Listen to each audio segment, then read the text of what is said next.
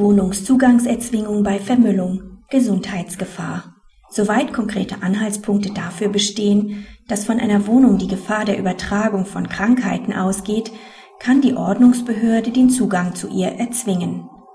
In einem später vor das Oberverwaltungsgericht Münster gelangten Fall erfährt die zuständige Ordnungsbehörde im Wege der Amtshilfe, dass sich die Wohnung des Klägers in verwahrlostem Zustand befindet, insbesondere Essensreste und Abfälle in erheblichem Umfang vorgefunden worden sind.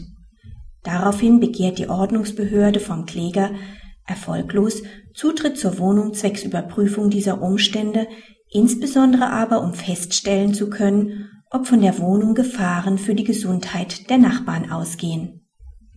Mit seiner Weigerungshaltung dringt der Kläger allerdings nicht durch.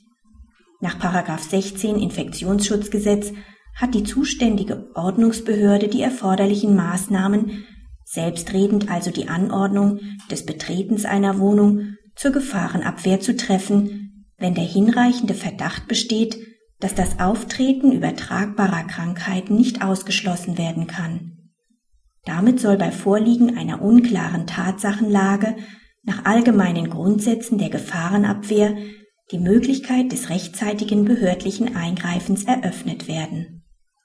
Eine Verletzung von Artikel 13 Grundgesetz ist nicht gegeben, weil es sich nicht um eine Durchsuchung handelt. Praxishinweis. Die Entscheidung ist zutreffend.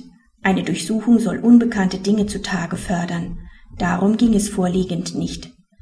Die Maßnahme diente vielmehr der Erforschung gesundheitlicher Gefahren ohne Zutrittsrecht ein Ding der Unmöglichkeit.